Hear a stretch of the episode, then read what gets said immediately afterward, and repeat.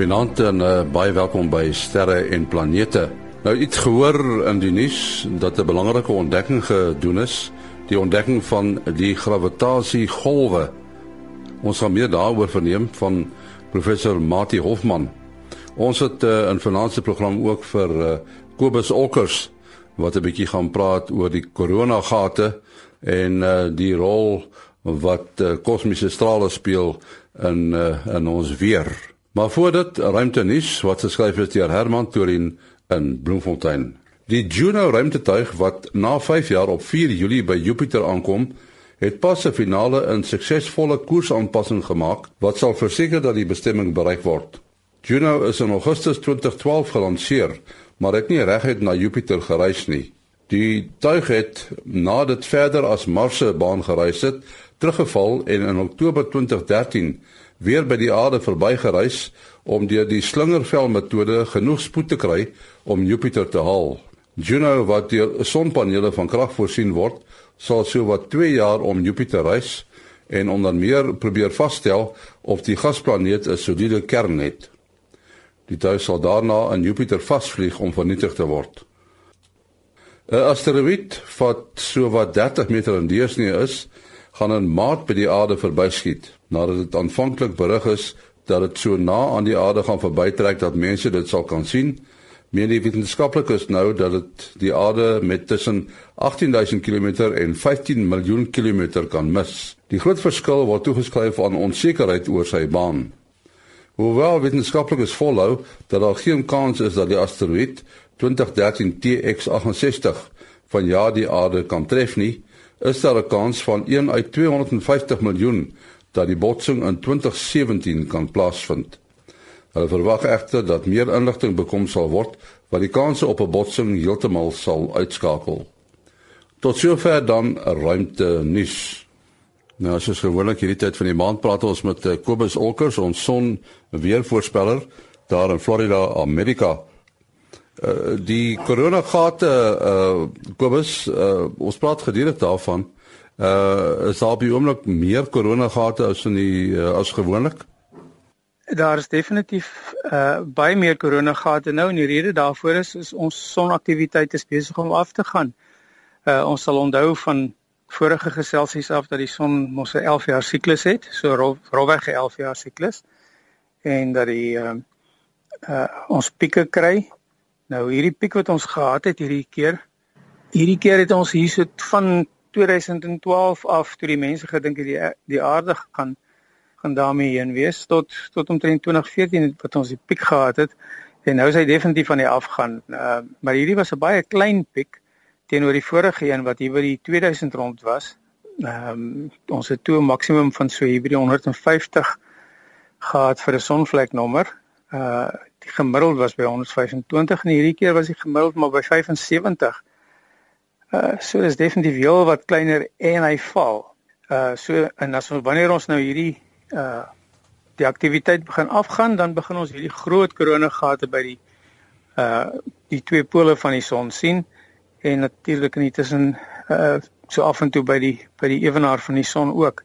Ons het nou al gesels oor die korona, dit is daardie gedeelte wat jy kan sien as daar 'n sonsverduistering is dan as die maan nou die son nou net so mooi toemaak uh dan sien jy mos nou die kroon van die son. Dit lyk dit lyk soos 'n kroontjie. Dis dis wonderlik as 'n mens dit kan sien. Ek persoonlik nog nie gesien nie, maar ek het baie mooi foto's daarvan gehad want jy moet op 'n baie spesifieke plek op 'n baie spesifieke tyd wees die oomblik as daar 'n sonsverduistering is. Nou, die gedeelte wat ons kan sien is die son se skyf self toegemaak is deur die maan is natuurlik net die een om die randjie, maar die hele son word reg rondom hom as 'n sfeer het hy hierdie korona rondom wat verskriklike hoë temperature het in die miljoene van van grade. Hierdie hele affære word ons nou maar gevolg deur die uh gemaak deur die magneetveld van die son. En waar die magneetvelde dan nou uh breek, uh oopgaan is waar ons die waar ons die oppervlakte van die son kan sien wat baie koeler is as die korona en dit is hoekom dit vir ons donker lyk daar. Ehm um, en dit is aan 'n plek waar die magneetveld oop is sodat die plasma wat afkook van die son af nie die korona warm maak nie maar dan uitvloei. Uh uitvloei na en enige koers en natuurlik hy kan na ons kant toe ook uitvloei. Dan is daar uh, allerlei interessante neigings en uh, korrelasies wat ouens oor praat. Uh kosmiese strale uh en en uh weerstoestande. Is daar 'n verbintenis? Ja, en nie net nie net uh, tussen kosmiese strale en die en die weer nie, ons sal net nou daarby kom. Uh maar ook die uh, verband tussen kosmiese strale en sonaktiwiteit. Nou mense sal nou wonder hoekom hoe kan die son hierdie kosmiese strale wat verskriklike hoë energiepartikels is. Party van hulle is natuurlik redelik laag, dis die dis die sonwind wat ons kry. Dit is ook deel van die kosmiese strale. Maar hier van Cygnus, ek dink X3 se koers af, is kom daar kom daar uh, partikels aan massiewe groot uh uh atome se kerns gelaai is wat hier teen die spoed van wit lig amper aankom. Dit was nou net bedoel as 'n grap hierdie, maar baie naby aan die spoed van lig kom hulle hier aan hulle tref dan die atmosfeer hier bokant ons en dan breek hulle natuurlik nou weer die die suurstof af en hulle self breek op en dan kry ons sulke amper soos 'n in Engels praat hulle van 'n shower of particles. Dit is so uh, die een partikel breek en dan tref hy nog 'n ander lot. Dis soos 'n kettingreaksie amper kry jy vreeslike klomp van hierdie gelaaide partikels wat nou in die atmosfeer aankom. Maar voor ons daarby kom moet ons nou uitpleis hoe die son hierdie besigheid beïnvloed. En ons is nou weer terug by die son se magnetiese veld wat, wat ons onder andere die gate in kan sien uh, met die koronagate. Sonaktiwiteit is op die oomblik besig om af te neem. Ek het hier erns 'n syfer van die kosmiese strale net oor die afgelope jaar wat dit toegeneem het van hier in die atmos in die stratosfeer van uh, hier by die 4 mikrosieverts per uur tot by 4.4 omtrent lyk dit my. Nou dis net in 'n jaar se tyd. Uh en hierdie hierdie toename gaan gaan gaan daar bly nou moet ek onmiddellik vir almal sê dit is nie 'n probleem nie. Uh die goed kom nie normaalweg by die oppervlakte van die aarde uit nie. Maar as jy lang afstande vlieg, moet jy nou maar bewus wees daarvan want uh hulle sê dat jy so 3 of 4 tot by 5 ekstrale kry as jy byvoorbeeld nou van oor die kontinentale uh, Amerika vlieg en dit is seker so jy sal seker so 5 na 6 ekstrale kry as jy uh, nou langaf sien sien maar Europa toe vlieg of so iets van Suid-Afrika af. Goed, so die son se magnetiese son het 'n massiewe groot magnetiese veld. Ons noem dit die heliosfeer en hierdie magnetiese veld strek tot baie baie ver. Hierdie Voyager ruimtetye wat ons gehad het, het nou verlede jaar se koers eers by die rand van die magneet van die heliosfeer uitgekom. En hierdie heliosfeer is maar net die magneetveld van die son, net soos wat jy die magneetveld van 'n staafmagneet het. As die sonaktiwiteit afneem, dan neem dan word die ding kleiner, hy word swakker en hierdie gelaaide partikels in plaas daarvan dat hulle in met die helix ingaan na die pole van die son toe, gaan hulle verby en hulle kom dan by die aarde uit en hulle kom in ons uh stratosfeer in. Gelukkig sal dit daarmee bly toeneem nie hier teen 2019 se koerskat ons sal hy die son op 'n minimum wees en dan gaan hy weer begin toeneem. Nou ja, om by die by die weergedeelte uit te kom, uh wat hierdie goed doen is hulle is op hulle piek uh hier by 20 km bo kan die grond. Hulle kom nog redelik goed deur tot by tot waar die wolke gevorm word. En as so 'n gelaaide partikel met al hierdie energie inkom, soos ek sê party van hulle het selfs energie van hier in die teravolts dan tref hy die oorversadigde waterdamp in 'n in 'n wolk. Ehm um, en net soos hierdie uh, wolkkamer eksperimente wat van ons luisteraars almal gesien het by demonstrasies maak hy dan 'n streep van waterdruppeltjies wat jy met die oog kan sien. En hierdie waterdruppeltjies saai dan natuurlik die wolke. Dis wat die mense probeer doen met hulle jodiumkristalle en al die soort van goed. Die son se afname gee vir ons 'n toename in in kosmiese strale wat uiteindelik ons wolke beter kan saai om reën te gee. Nou ja, ons seker baie lank kan praat daaroor nog, maar ongelukkig het die tyd ons ingehaal. Kobus, jy besonderhede? Dis kobusolkers@gmail.com, k o b s o l c k e r s by gmail.com en as uh, soos tevore, dankie vir die luisteraars wat gebel het. Dit is nogal lekker om van julle te hoor. Julle stuur vir my julle landlynnommers. Ek kan ongelukkig nie na selfoonnommer toe bel van hier af nie, maar as ek 'n landlynnommer kry, dan is jy welkom om my te bel en uh vra te vra oor enige van hierdie dinge wat ons bespreek. Nou ja, dit was dan uh, Kobus Olkers wat daar gesels het. Ja, jy het gehoor van die uh, ontdekking wat in Amerika gedoen is, gravitasie golwe. Nou dit klink na 'n baie moeilike begrip en uh oor wat dit als behels, gesels ons nou met professor Mati Hofman, die Universiteit van die Vrye State, die Boydensterrewag en die digitale planetarium. Hoekom is dit so belangrik, uh, Mati? Uh nee, ja, dat is uh, verskeie redes. Die een is dat dit die laaste oorblywende voorspelling wat Albert uit Albert Einstein se algemene relativiteitsteorie van nou omtrent 101 jaar gelede uh daardeur bevestig word. So dit op sigself maak dit 'n uh, 'n baie belangrike gebeurtenis. Uh Einstein se teorie was baie eksoties want dit het 'n konsep van ruimte-tyd ingevoer wat mense verstand 'n bietjie te bowe gaan en dan is dit spesifieke teorie van gravitasie wat handel oor die effek van uh materie by wyse van massa en energiedigtheid op ruimte. En uh, Einstein het uh, gravitasie herinterpreteer as 'n buiging van ruimte-tyd en daarom kon hy dan verklaar hoekom voorwerpe soos die aarde byvoorbeeld om die son beweeg. Ons volg basies maar die kromming van van ruimte-tyd en daar was baie waarnemings gedoen uh, wat daardie interpretasie bevestig het. Maar die konsep van ruimte-tyd volgens die vergelykings wat Einstein dan daar gestel het, uh, kon onder uh, eksotiese omstandighede soos byvoorbeeld twee gravitasiekolke of die sogenaamde black holes as hulle nou om mekaar wentel en sou bots dan sou dit sodanige versteurings in die ruimtetyd tot gevolg het wat teen die spoed van lig in die vorm van gravitasiegolwe 'n deel van die energie wat in so 'n botsing ter sprake is, uh, wegdra. Nou daardie gravitasiegolwe is dan 'n voorstelling van die teorie wat Einstein by geleentheid ingegooi het op 'n geleentheid nie. So hy was nie self heeltemal seker hoe ernstig moet daai voorspelling opgeneem word. Uh daar is toe in die 1970s is daar indirekte waarnemings gedoen van twee uh neutronsterre wat om mekaar wentel en hulle kon aantoon sonder om die gravitasiegolwe te sien dat die stelsel energie verloor in ooreenstemming met wat jy sou verwag as daar gravitasiegolwe opgewek kan word. Uh en toe het hulle nou begin om meer ernstig en soos tegnologie ontwikkel het na die gravitasiegolwe te ondersoek.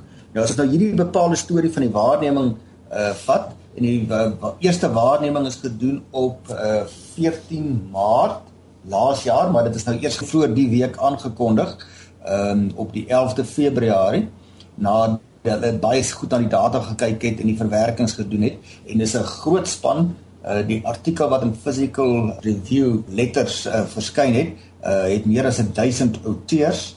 Ehm uh, maar daar's 'n paar individue wat uitstaan en ons twee van hulle is uh, Kit Von, 'n uh, fisikus van Caltech wat al vir ons hier in Suid-Afrika besoek het. Hy was hier in uh, by ons universiteit ook, Universiteit van die Vrystaat en dan ook uh Reiner Weiss.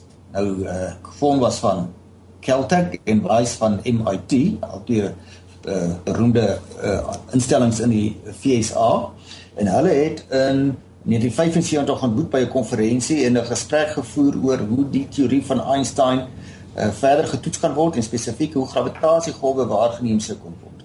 So die waarneming uh, wat nou aangekondig is kan teruggevoer word na amper 70 jaar kos maak dit dit is 30 50 jaar gelede amper en die die die eksperimentele aanloop daarvan het in 1992 begin maar eers laas jaar was die sensitiwiteit van die apparate goed genoeg Ons praat van multibiljoen dollar eksperimente wat nodig was uh om hierdie waarneming te doen en net om vir die uh, luisteraars 'n idee te gee. Hulle het twee detektore gebou, die LIGO uh detektor en daai LIGO staan vir as jy sien Light Interferometry Gravitational Wave Observatory. Die een instelling is in Washington State en die ander een in Louisiana in die VSA. Jy moet twee verskillende plekke hê uh wat heeltemal ander geologiese omgewing het om die vibrasies van die omgewing uh te kan uitskakel in die interpretasie en hulle het dan 'n waarneming gedoen op 14 Maart waar in die detail van die waarneming die die vibrasies wat opgetel is uh was identies by albei plekke en daar's net 'n paar millisekondes tydverskil weens die uh verskil in die tyd wat die sein gevat het om by die twee plekke uit te kom Ehm uh, maar die groot die die die syne word basies opgetel deur twee loodregte bene van die apparaat waarin laserstrale geskyn word. En die bene is elkeen 'n paar kilometer lank.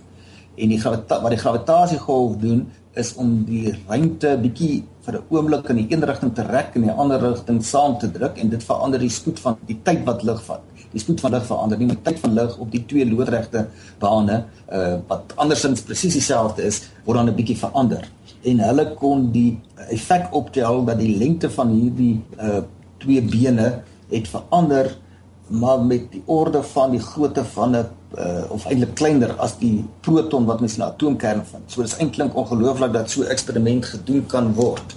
Uh, en dit is 'n tegnologiese prestasie. Maar dan staan 'n paar groot name wat die inisiatief moes doen dit oor dekades moes dryf uh, om die fondse te bekom om die tegnologie te ontwikkel maar dan het uh, uh soos ons gesê het meer as 1000 wetenskaplikes tot hierdie direk tot hierdie bepaalde metings uh bygedra en die publikasie het dan nou ook verskyn saam met die aankondiging uh en dit is baie goeie data nou het dit 'n hele nuwe era en dis die ander belangrike punt dit open nou 'n nuwe era vir die sterrekunde 'n totaal nuwe manier waarop die heelal waargeneem kan word want in hierdie bepaalde gebeurtenis kon hulle aflei dat 'n baie baie lang tyd, meer as 'n biljoen jaar gelede, het twee gravitasiekolke uh gebots. Op geen ander manier sou ons daarvan geweet het nie. En uit die vorm van die sein, waarvan hulle dan nou 'n mooi grafiek kan teken en dit wat die teorie voorspel, wel die vorm van die sein blyk soos die teorie sou voorspel wat jy uit 'n binêre gravitasiesisteem wat dan uiteindelik twee voorwerpe bots, uh so dit pas die teorie en hulle kon dan so ver gaan om die Eh, die massas van die liggame te bereken as in die orde van 30 keer die massa van die son en uit die energie uitset wat hulle ook kan bereken uit die grootte van die sein kon hulle uitwerk dat hulle teen amper die helfte van die spoed van lig gebots het. Nou stel jou voor twee sulke massiewe voorwerpe wat teen daardie uh spoed bots en vir ongeveer 0.2 sekondes want dit is 'n baie kort botsing.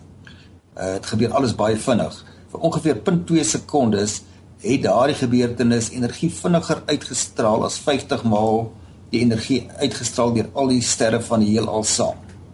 En dit was totaal onbekend en op 14 Maart verlede jaar is dit skielik waargeneem. Uh, as jy dit as sigbare ag uh, hoorbare golwe sou omskakel in die vorm van klank, dan het dit 'n uh, frekwensie wat hier onder andere middel C op die uh, van musiek insluit. Uh, so jy daar kan hoor maar die frekwensie het verander soos wat die proses verloop het, soos wat die uh, gravitasiekolke ingespiraal het na mekaar toe. So dis eintlik 'n ongelooflike uh ontdekking. Mens kan sommer sê amper soos as wat as mens nou die kreer miljoene sou ontdek. En die mense kan maar gaan kyk op uh, uh wij gaan Google uh LIGO net L I G O hoofletters. Dis die afkorting vir die vir die eksperiment wat dan die twee detektore het, die een in Washington State en die ander een in uh, Louisiana. Uh, en dan gaan nou meer sulke waarnemingsstelsels gebou word want dit open dan 'n addisionele venster tot die heelal wat inligting gaan gee wat geen ander teleskoop vir jou sou kon gee nie. Maat jy jou besonderhede? Uh, nee, selfnommer 083 625 7154. 083 625 7154. daarmee ook die einde van vandag se aflewering van sterre en planete. Volgende week dieselfde tyd maak ons weer so. Tot dan, mooi loop.